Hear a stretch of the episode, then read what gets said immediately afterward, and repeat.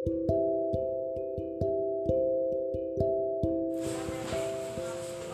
yo yo. Kembali lagi bersama podcast Yonatan Pandawa Sakti dalam acara Jahat banget. Ya, Jadi eh, ini adalah podcast kedua kita bersama narasumber yang sama. Perkenalkan dirimu. Nama saya Ucok.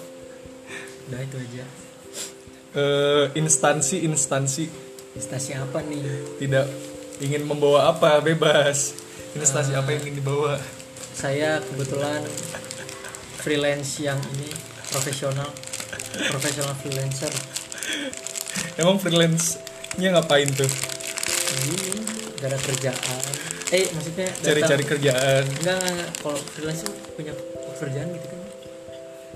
Ya bebas lah mau kapan pun dipanggil gitu kan. Nah, ini kayak gini nih datang ke kedai, ngobrol, bagian dari pekerjaan Jadi- yang sedang saya geluti saat ini. tapi sebelumnya kita minta maaf kalau misalnya kita tidak bisa menggaji anda. Nah ini podcastnya masih tahap perkembangan. Nah btw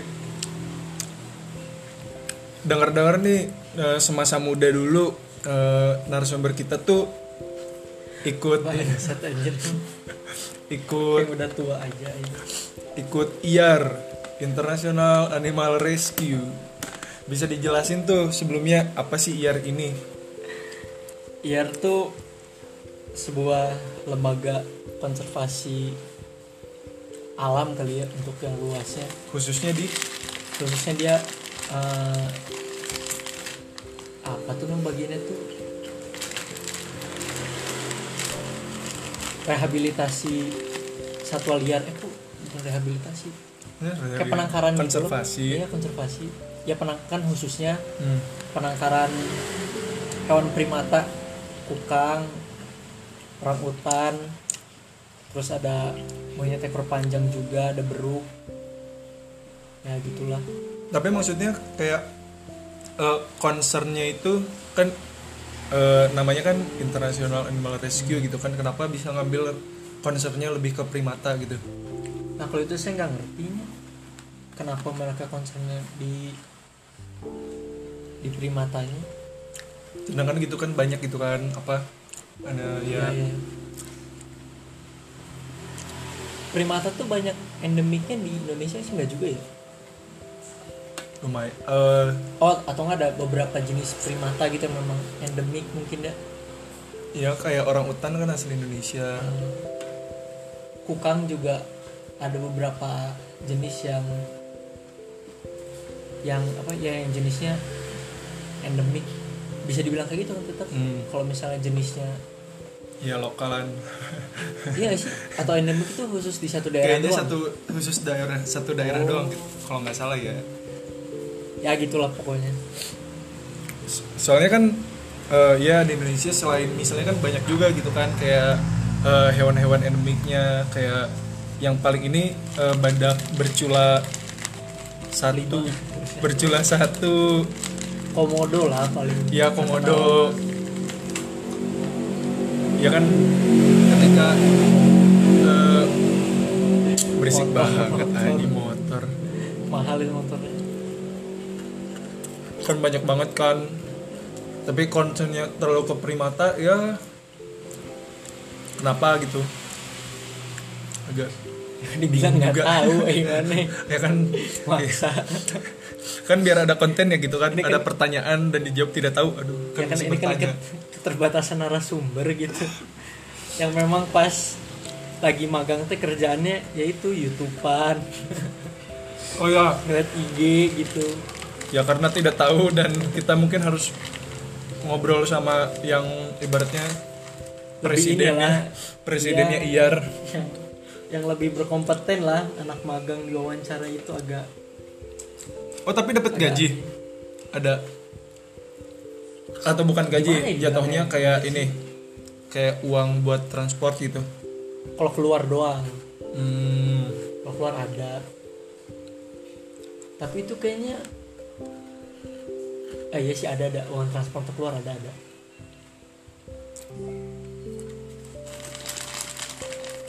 Tapi mm, oh gini aja nih. Kenapa uh, maksudnya anda punya ketertarikan gitu masuk organisasi ini gitu? Wes sempat magang di IR gitu. Iya kenapa? Kenapa? Maksudnya kan pasti banyak pilihannya lagi kan? Nah, nah sebenarnya sistem di kampus tuh dulu kita dikasih kesempatan buat milih dua tempat eh, lembaga untuk praktek kan. Nah terus ini ngomong pakai gua lu saya maneh atau Ah, bebas. Kalau mana apa biasanya bilangnya? Kalau di kampus oh apa? Ngobrol. Eh, enaknya apa? Ya kalau di Bandung gak gua lu lah. Hah? Kalau di Bandung? Kalau di Bandung. Kalau di kampus baru gua lu. Oh kalau di Bandung ya maneh aja kali enaknya yang mana kalau di kalau di Bandung. Materinya apa sih? Oh sistem ini pemilihan tempat. Ya kenapa sampai milih teh? IAR sebenarnya awal tuh nggak tahu IRT apa cuma namanya keren kan. Pakai bahasa Inggris gitu Transformer Rescue jadi suruh pilih dua tempat nah kampus yang milih. Jadi kayak kita dikasih dua pilihan antar kampus yang milih. Kita kira-kira di tempatnya di mana. Ya udah berarti menurut kampus mungkin saya cocok ditempatkan di IAR saya juga tidak mengerti. Oh jadi nggak milih? Milih dua cuman keputusannya dari kampus. Hmm, masuk ke situ atau enggak. Nggak ada kayak eh, untuk kayak di pilihan pertama itu lebih kuat dan lebih enggak enggak. Enggak, enggak jamin. Cuman dari situ ntar diwawancara lagi sama si LSM nya hmm, kira-kira apa eh, cocok atau enggak. Karena ada beberapa juga kayak setahu Aing tuh ada beberapa yang ditolak pada akhirnya gitu. Karena ternyata di, itu di lembaganya dari di lembaganya ternyata Hmm. mungkin karena faktor waktunya nggak cocok. Bukan karena wawancaranya sih sebenarnya sih, karena waktunya nggak cocok lagi libur ini kan libur lebaran deket-deket libur lebaran gitu jadi beberapa lembaga yang cancel lah istilahnya. Menarik sih maksudnya kayak oh mungkin langsung aja dijelasin gitu. Kira-kira eh, udah ngapain aja gitu selama bang Ucok ikut IAR ini? Berapa tahun tuh berapa tahun? Lebay. Gak nyampe setahun. Enggak anjir. Dua setengah bulan kirain. Ntar doang cuma dua setengah bulan ya gitu karena kebetulan dari kampus teh nggak ada hubungannya sama IAR jadi kerjaannya teh rada nggak jelas lah di sana tuh. Kan biasanya yang magang di sana tuh anak-anak biologi terus atau enggak dok kedokteran hewan kayak gitu-gitu yang ada hubungannya. Kalau dari kampus saya ini kan tidak ada hubungannya tidak jelas ininya kerjaannya. Nah kebetulan uh, di sana orang-orang kooperatif lah bisa diajak ke kerja sama. Jadi ada uh, di IAR tuh ada kayak semacam bagian kecilnya lagi itu tim khususnya buat fokus di kukang namanya. Hmm. Mereka tuh lagi ngembangin semacam apanya gerakan anak muda gitu lah maksudnya apa spesifiknya namanya apa? kukangku gitu Hmm. Nah itu kayak social movement lah. Jadi kita kerjanya campaign di sosial media Hmm. di IG gitu. Jadi kerjaannya ini buat kalian mungkin ada dari anak-anak apa komunitas musang. Nah itu tuh yang kita incer tuh. Diincar maksudnya? Karena biasanya rese kan anak komunitas musang merasa paling benar gitu anda itu bangsa merusak alam gitu. Nah, eh, gak, nger- gak ngertinya tuh kayak gini misalnya kan eh, ya ini kan eh, kayak organisasi eh, animal rescue gitu. Maksudnya rescue-nya kan kadang eh, yang aku pahamin sih kayak rescue tuh jatuhnya jadi kayak bisa bersifat budidaya bisa yang kayak kita yang melepas liarkan atau membiarkan dia di alamnya gitu kan. Dan itu kan dua hal yang ibaratnya Berbeda gitu. berbeda banget gitu kan. Tapi eh, dengan punya kayak gimmicknya sih gimmicknya sih masih kayak sama-sama untuk melestarikan hewan gitu kan nah kira-kira eh IAR ini lebih ke mana apakah lebih ke budidaya gitu ataukah ternyata emang lebih kayak eh, gerakan ya kita kayak menaturalkan yang inilah Nah, iya, iya, iya. nah kalau misalnya di IR ini eh, konsep penyelamatannya ya memang menyelamatkan. Jadi Hmm. kalau misalnya kalian eh, para pemelihara hewan yang katanya eksotis, nah kalau kalian sudah sadar bahwa itu salah, kalian bisa menghubungi BKSDA terdekat gitu kan, buat buat apa namanya? buat mengembalikan hewan eksotis tersebut ke alam. Nah, si IAR ini bisa dibilang jadi jembatan itu Hmm. Buat eh, nampung sementara tergantung kondisinya. kondisi apa aja tuh kayak gimana Kayak misalnya kalau kukang tuh kan eh, karena mereka itu punya taring, ada beberapa penjual kukang ini yang sebelum dijual si kukang itu taringnya dipotong dulu. Hmm. Nah, jadi permasalahan tuh kalau udah taringnya dipotong tuh kan nggak tumbuh lagi. Udah nggak tumbuh, terus banyak yang pada akhirnya busuk. oh Ada- ada, ada yang busuk. muncul penyakit Ya, ada yang ya udah busuk kayak gitu. Nah itu kan udah kayak gitu tuh nggak tumbuh lagi, jadi percuma kalaupun dilepas ke alam juga malah kayak apa ya? Ya kayak Ya, malah- masih makanan aja gitu. Di ya hidup segan mati tak mau gitu kan. Nah di IAR itu untuk untuk beberapa satwa yang punya kebutuhan khusus yang kayak gitu di disanggupi lah kebutuhannya. Kayak dikasih vitamin atau enggak makanan itu yang eh, yang lebih inilah yang bisa dikonsumsi. Berarti maksudnya ini. eh, ibaratnya opsionalnya tuh jadi untuk melepas liarkan tuh sudah tidak gitu kan khusus untuk kukang yang sudah dipotong taringnya gitu. Hmm, ya nah kira-kira itu itu bakal dia kayak dirawatnya itu di mana? Di itu ada kandang khususnya gitu yang memang. Kan jadi ada beberapa kandang yang dibuat sama IAR nih.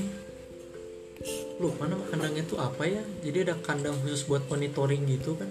Hmm. buat kita lihat eh, karena pada intinya tuh yang mau dicapai sama IAR tuh gimana si ukang ini tuh bisa balik lagi ke alam pelepas liaran itu nah tapi kan tidak bisa Iya iya maksudnya itu nah, itu kan soal yang Tujuan lain akhir. tuh. Eh, pokoknya tujuan akhirnya pasti ke sana. Nah, jadi eh, kukang ini yang udah ditaruh di kandangnya diliatin tuh kira-kira kebiasaannya ngapain aja kerjaannya dimonitoring itu. Nanti kalau misalnya kira-kira udah layak atau enggak udah sesuai sama kriteria IAR untuk dilepas liarkan baru nanti lanjut prosesnya. Kalau misalnya kayak ternyata kukang eh, kukang Jawa gitu dilepasinnya ada dua tempat yang kurang tahu teh. Ada di Gunung Salak sama Gunung Sawal. Hmm, kalau misalnya kukang Sumatera yang di Lampung.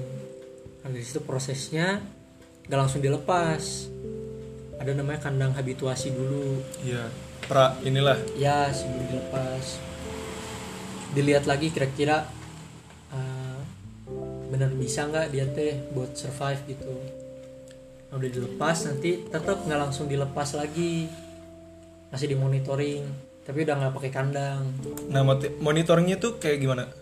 Ber- apa di biasanya kan dipakein sesuatu. Ya pakai kolar gitu. Maksudnya yang udah yang udah lepas? Hmm, ya jadi pas dia sebelum dilepas liarkan itu dari iarnya tuh udah dipasang kolar dulu tuh di kantornya sebelum diberangkatin ke itu kayak eh, dimasukin ke tubuhnya gitu atau bukan gimana? bukan pakai kalung kalung Oh. kalung di leher gitu. Oh.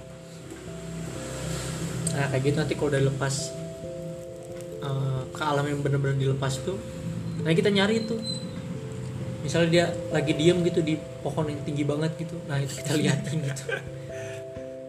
Emang emang gak ada kerjaan sih sebenarnya itu. Cuma mau gimana? Eh, kayak gitulah kerjaannya. kalau misal kalau misalnya gini nih ibaratnya kan udah ya pemasara pemasangan kolar ini kan tadi tujuannya buat monitoring. Iya. ternyata eh, misalkan eh, kondisi kukungnya sendiri udah kayak udah meninggal atau sudah tidak bisa di- ibaratnya eh, kalau itu berlaku nggak misalnya dengan kukang yang sudah meninggal gitu. Setidaknya kita dengan bisa mengecek kolar yang dari kukang yang meninggal kita bisa tahu gitu posisi di mana terus kayak kenapa bisa meninggalnya kayak gitu. Nah nggak tahu sih. Waktu yang sana belum belum ada kasus kayak gitu. Paling ada yang, yang kabur gitu udah nggak bisa di ini lagi. Nggak bisa dicek. Nggak bisa dicek lagi udah. Entah karena kecepatan kali dia tuh. Kan ada ininya kan ada kan pakai ini namanya teh. Ada lagi buat nyari sinyal gitu tuh. Kayak antena tuh nyari nyari gitu. Di hutan teh. Ya gitu. Tapi kalau sejauh ini gitu kan kalau eh, ibaratnya eh, mau tahu aja gitu tujuan tujuan akhir tujuan akhir setidaknya kan kayak apa sih tujuannya emang dilepas liarkan gitu. Ibaratnya eh, ya masa eh, organisasi ini nggak mencapai sesuatu manfaat gitu dari organisasi yang dibangunnya gitu. Ibaratnya iar melepas liarkan satwa-satwanya nah terus? Nah tujuannya itu apa gitu? Tujuan maksudnya yang tujuan beneran ya kan? Iya, tujuan tujuan, beneran. terselubung gitu. Maksudnya yang yang benerannya mah karena beberapa hewan yang ada di IAR tuh kan masuk ke itu apa yang UN Red List itu? Iya, udah masuk ke extinct lah. Udah Apa mau itu ya, itu. udah mau punah. ah iya udah mau punah gitu. Ya berarti mau dicapai ya biar hewannya nggak punah kan? Ya udah mungkin itu aja. Ya mau apa lagi yang mana harapkan gitu? Apa yang mengubah dunia itu Nggak Siapa bisa. tahu gitu kan apa misalnya dari eh, selain nah maksudnya kan eh, kita juga nggak ngerti yang saya nggak ngerti gitu kayak apa gitu. Ibaratnya kan di dunia ini tidak mungkin bisa hidup tanpa uang gitu kan. Iya nggak sih? Ibaratnya terus kita ngeluarin eh, melepas liarkan lalu Tapi gede tuh apa namanya budgetnya buat itu dibiayain sama siapa? Ada ininya ada yayasannya mereka. Kira-kira yayasannya itu dapat uang dari? Jadi ini tuh hitungannya banknya kan internasional ya oh. Ada yang dari apa? Inggris yang tahu mah. Jadi banyak juga yang ya istilahnya yang ngasih donasi gitu lah nyumbang. Bisa dicek teman-teman kalau lagi iseng gitu.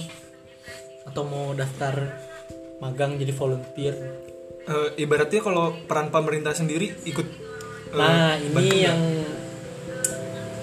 yang agak-agak ngeselin teh sebenarnya mah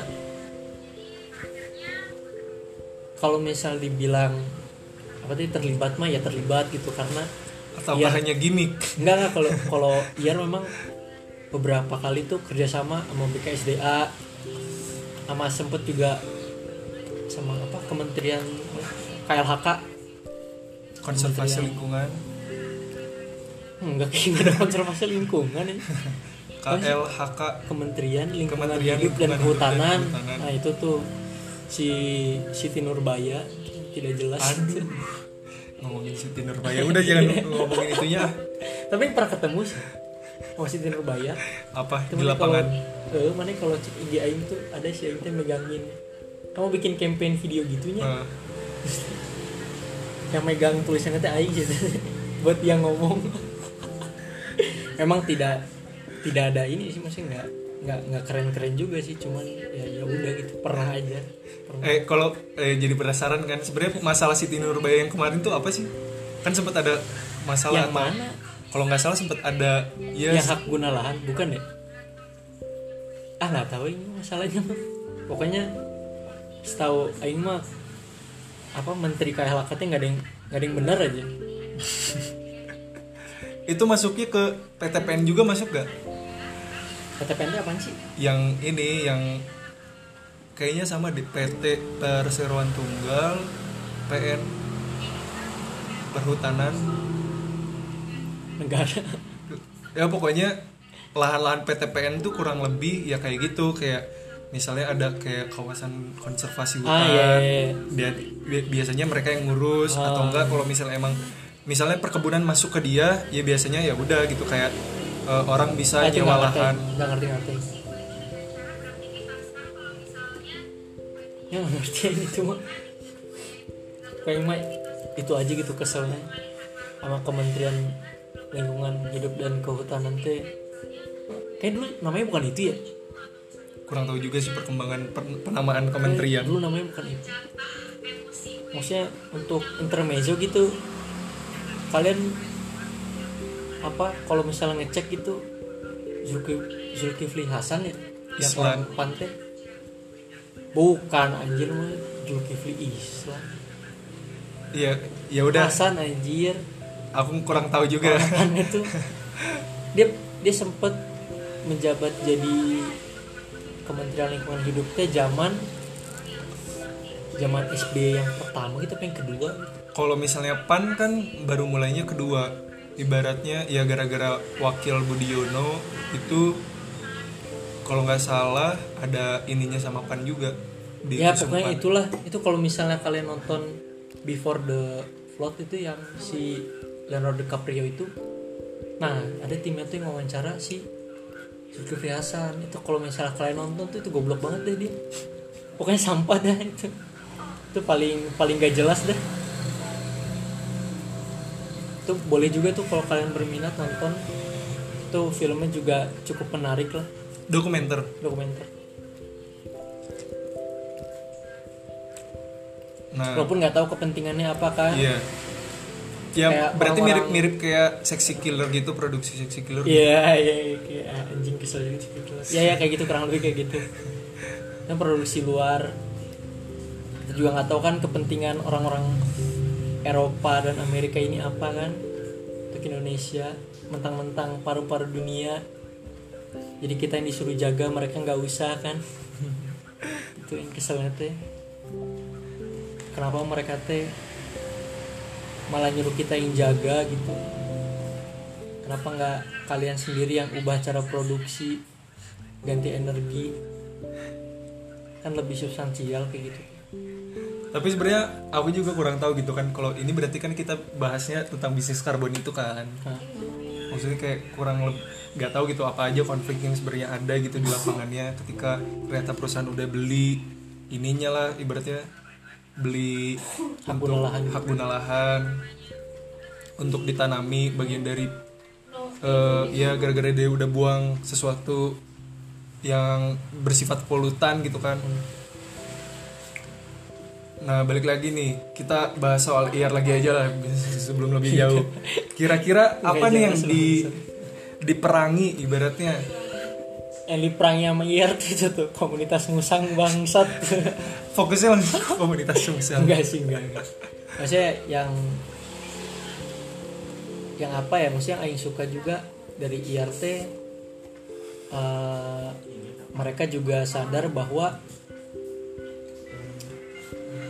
apa ya hewan liar tuh ya bisa menimbulkan konflik dengan manusia juga pada akhirnya jadi mereka tuh kayak punya tim pencegahan eh tim mitigasi pencegahan konflik gitu ya pokoknya yang berkaitan sama manusia lah lupa ini Biar jangan-jangan eh, jangan sampai the eh, apa sih filmnya?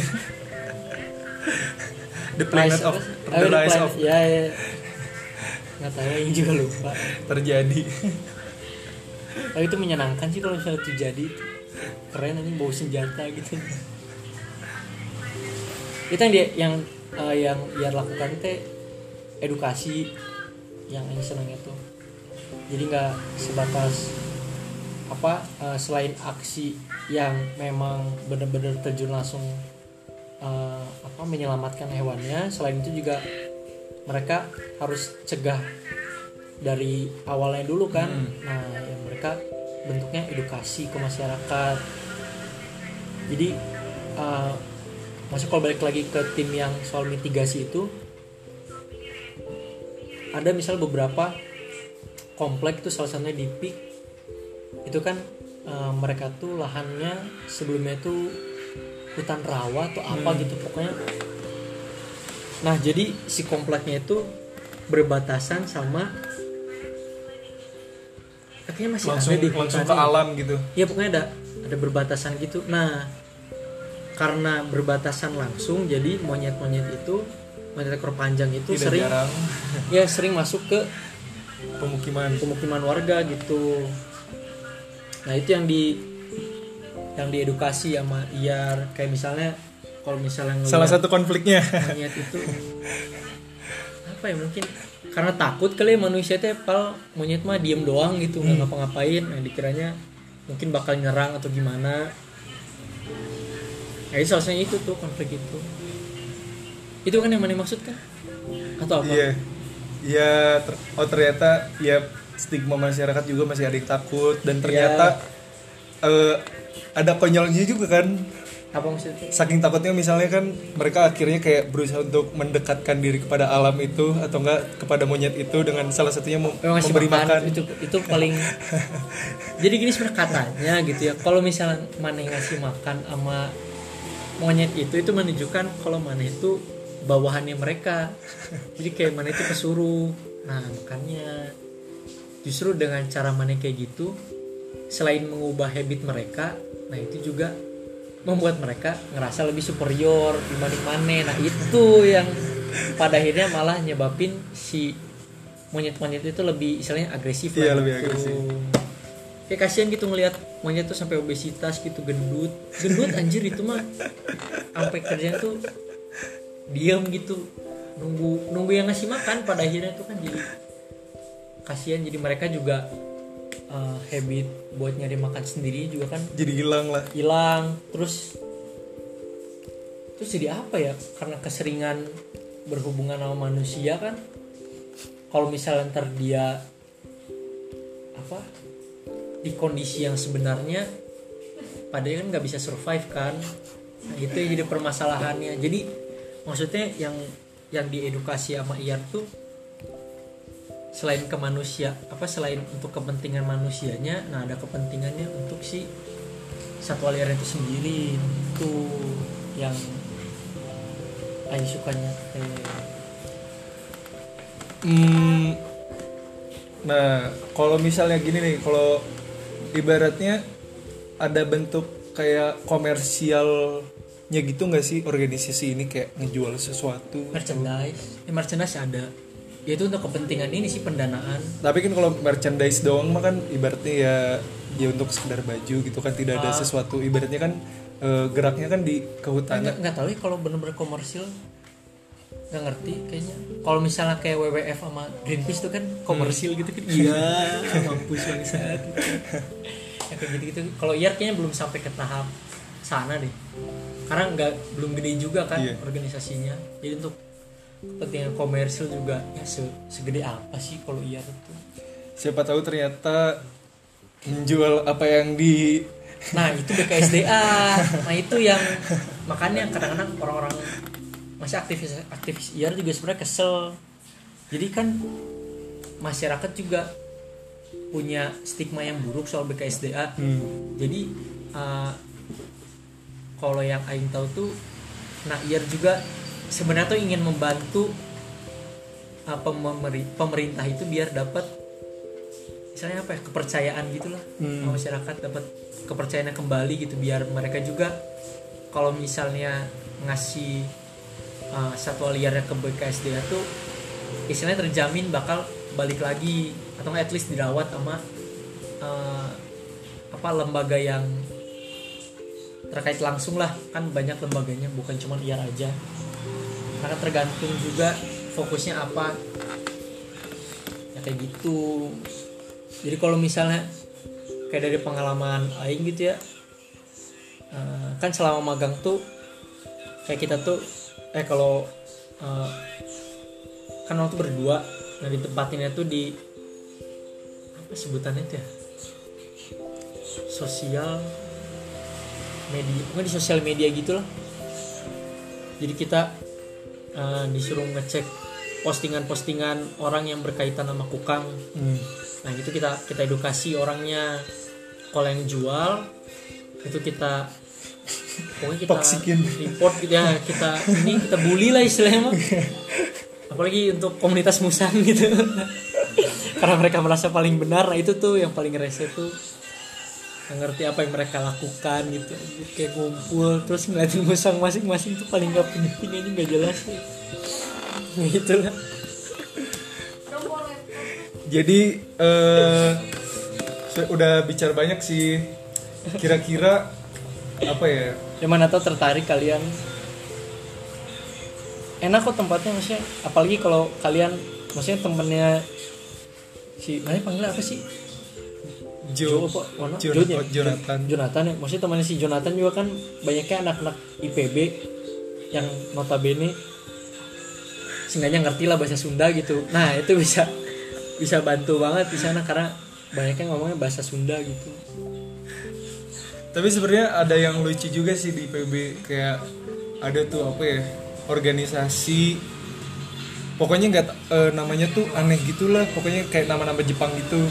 Terus dia tuh eh, kayak untuk jadi kayak bikin-bikin makanan tapi yang dari hewan gitu.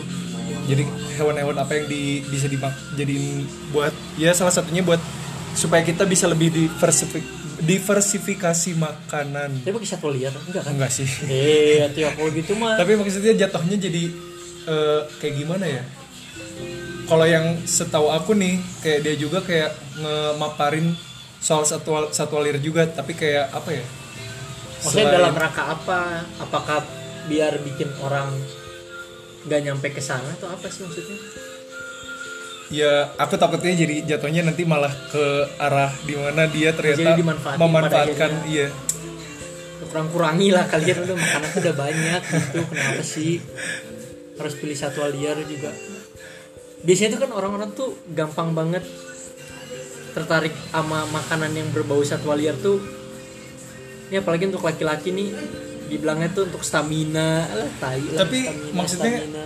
bukan hanya kayak gitu doang maksudnya gitu. banyaknya kan itu kan untuk obat ada juga yang budaya emang budaya di mereka yang di mana mereka suka mengkonsumsi itu Nah, kukang itu kebetulan di Jawa Barat tuh kan jadi kayak punya urban legendnya sendiri gitu mereka teh. Jadi kalau misalnya ada kalau misalnya ada kukang di satu daerah eh, terus eh lupa pokoknya intinya mah. Pokoknya tuh kalau ada kukang mati gitu atau ada ada kukang di situ bakal jadi bencana. Oh, bakal ada bencana jadi makanya banyak yang dibunuhin. Nah, itu juga kita re re apa ya, Res? ya edukasi lah. restrukturisasi atau apalah pokoknya dimaknai kembali lah maksudnya arahnya nggak nggak sampai ke sana. Dan maksudnya entah karena iar atau dan perkembangan zaman ya budaya itu mulai luntur juga pada akhirnya. Tapi paling seringnya tuh dikonsumsinya untuk itu yang jadi si kukangnya tuh kan dibelek dia teh dibelek dikeringkan dikeringkan terus diambil ekstraknya itu. Hmm. minyaknya itu buat ya itu stamina stamina itu bangsa. Banyak masih banyak gitu. Nah itu yang yang coba dikejar juga sama iya tapi misalkan kayak gini ternyata eh, IAR sudah berhasil gitu dalam eh, upayanya untuk eh, melindungi satwa-satwa liar itu sehingga Ah. sudah tidak terancam punah dan Ya, ya, dapat ya, ya. dimanfaatkan nah nah nah nah, nah. ini nih eh kalau misalnya kalau untuk yang dimanfaatkan itu, itu soal lain ya maksudnya ada yang bikin aing juga eh, apa jadi mentor mentor orang di sana tuh sempet ngomong gini karena yang mau dicapai itu gimana biar hewan ini gak punah? Terus kalau misalnya udah nggak punah terus ngapain kita gitu? Nah, mentor orang tuh bilang gini ya bubarin katanya. Kan udah tercapai kan? Mau apa lagi? Lalu muncul organisasi baru. Pemanfaatan. Iya, ya enggak maksudnya itu kan masih jarang kayaknya orang yang mikir kayak gitu kan. Iya. Maksud- jadi pada akhirnya jangan sampai mana ya kayak tadi permasalahan komersialisasi tadi jangan sampai ujungnya eh, istilahnya apa ya? Eh, agak naif sih maksudnya. J- ya jangan bikin tuj- Jangan jadi, jadi, bikin tujuan si- baru lagi bikin bukan maksudnya jangan jadiin si eh, lembaga ini tuh sebagai pekerjaan tetap maneh Hmm. jadi kayak kan anggapannya mungkin entah juga di dalam tuh internetnya gimana mereka mikirin soal uh, kepunahan satwa ini entah ada oknum-oknum yang sengaja tetap membiarkan ini apa terancam gitu biar tetap ada pekerjaan kan kita juga nggak tahu kan. Cuman seenggaknya yang dari mentor Aing bilang tuh ya kayak begitu Nah, jadi kalau misalnya udah nggak terancam ya udah bubarin ya cari kerjaan lain gitu kan banyak juga pekerjaan lain. Misalnya seperti saya gini kan freelance gitu freelance gangguin hidup orang ngabisin uang orang tua. Itu kan jadi salah satu pilihan yang menarik juga. Itu kalau kalian berani jadi durhaka sama orang tua tuh. Menyenangkan. Ya jadi eh, ya kita udah lumayan dapat banyak lah ya mengenai ya kayaknya ini cuma pemaparan tentang IAR sih dengan konflik-konflik yang ada dan tujuan yang mau dicapai gitu kan. Mana tuh ada yang tertarik itu apalagi deket kan tempatnya di Curug Nangka bisa cek aja gitu Instagramnya. Harusnya sih ada ya. Atau nggak websitenya juga ada websitenya. Eh, mungkin apakah ternyata maksudnya aku sih masih penasaran soal pemanfaatan sih. Nah, ibaratnya ya dulu eh, banyak itu konflik yang ditimbulkan dari ya berbagai kayak tadi musang eh apa eh, monyet ekor panjang dengan manusia gitu kan. Dan banyak orang budaya juga yang ternyata untuk memakan satwa liar dengan tujuan ya kesehatan atau eh, ya berbagai macam mac- eh, lainnya yang kepercayaan apa yang di budaya itu miliki gitu. Tapi ada orang juga yang bilang kalau misalnya ya eh, emang ini adalah caranya hukum alam itu sendiri gitu hmm. ibaratnya kita makan katanya bakal ada lagi. Kita makan bakal ada lagi. Iya cuman kan kita harus juga perhatiin ininya kan eh, ini harus tidak ada lagi tuh pasti bakal selalu iya ada. ya gara sifat-sifat hukum alam aja gitu. Maksudnya ada tuh dalam bentuk lain atau bentuk yang sama? Dalam ben- aku pikir sih bakal eh, jadi bentuk yang sama gitu. Jadi kayak eh, emang pada dasarnya satwa liar juga berhak untuk jadi ibaratnya konsumennya manusia eh di konsumen manusia itu berhak untuk kons- jadi konsumennya satwa satwa liar ini gitu kan. Karena itulah alam ini bekerja gitu. Hah, gimana sih? Maksudnya kalau harimau makan manusia nggak apa-apa. Itu masih manusia yang jadi konsumen kan? Iya masih manusia yang jadi konsumen. Bukan maksudnya si satwa liar ini jadi, Jadi konsumennya konsumen. manusia yang jadi mana yang mana lihat nih? jadi bahan makanannya manusia. manusia gitu kan. Oh.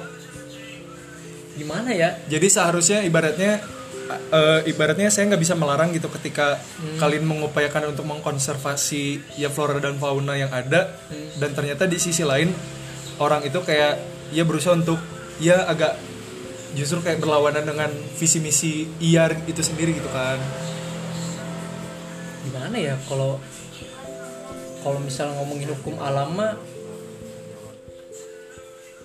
apa ya? Eh, agak ribet juga sih jatuhnya. Jadi ini masalah filosofis gak sih? Soal gimana maneh memaknai hubungan maneh sama alam itu seperti apa gitu kan. Maksudnya nggak salah sih kalau misalnya kalian ngelihatnya hubungan kalian dengan alam ini sebatas antara produsen dan konsumen gitu jadi pada Iya. akhirnya kan eh, kayaknya untuk sampai ke sana agak mengerikan juga gitu kan kalau menurut Aing ya agak miris aja gitu kalau pada akhirnya eh, pemanfaatannya malah jatuh ke arah sana bukan untuk yang apa pada akhirnya eh,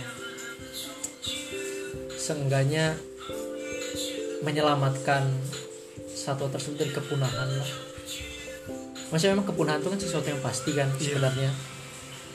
Nah, cuman ini permasalahan teh kalau misalnya kepunahan itu terjadi secara cepat dan masif, maksudnya banyak satwa yang pada akhirnya jadi punah itu kan akan berpengaruh juga pada ekosistem. Ini satu saat juga manusia yang akan dikonsumsi sama hewan kita nggak ada yang tahu kan atau misalnya lagi kayak pandemi gini gitu kan.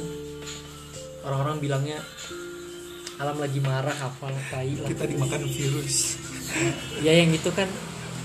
Maksudnya kalau mau ngomongin hukum alam ya emang selucu itu sih. Tapi pada akhirnya memang gak ada yang bisa gak ada yang bisa memprediksi bukan memprediksi ya. Karena gitu-gitu aja. Ya gitu lebih lah pokoknya. Nggak gali aja ini kalau misalnya pemanfaatannya pada akhirnya sampai ke arah sana gitu kalau ini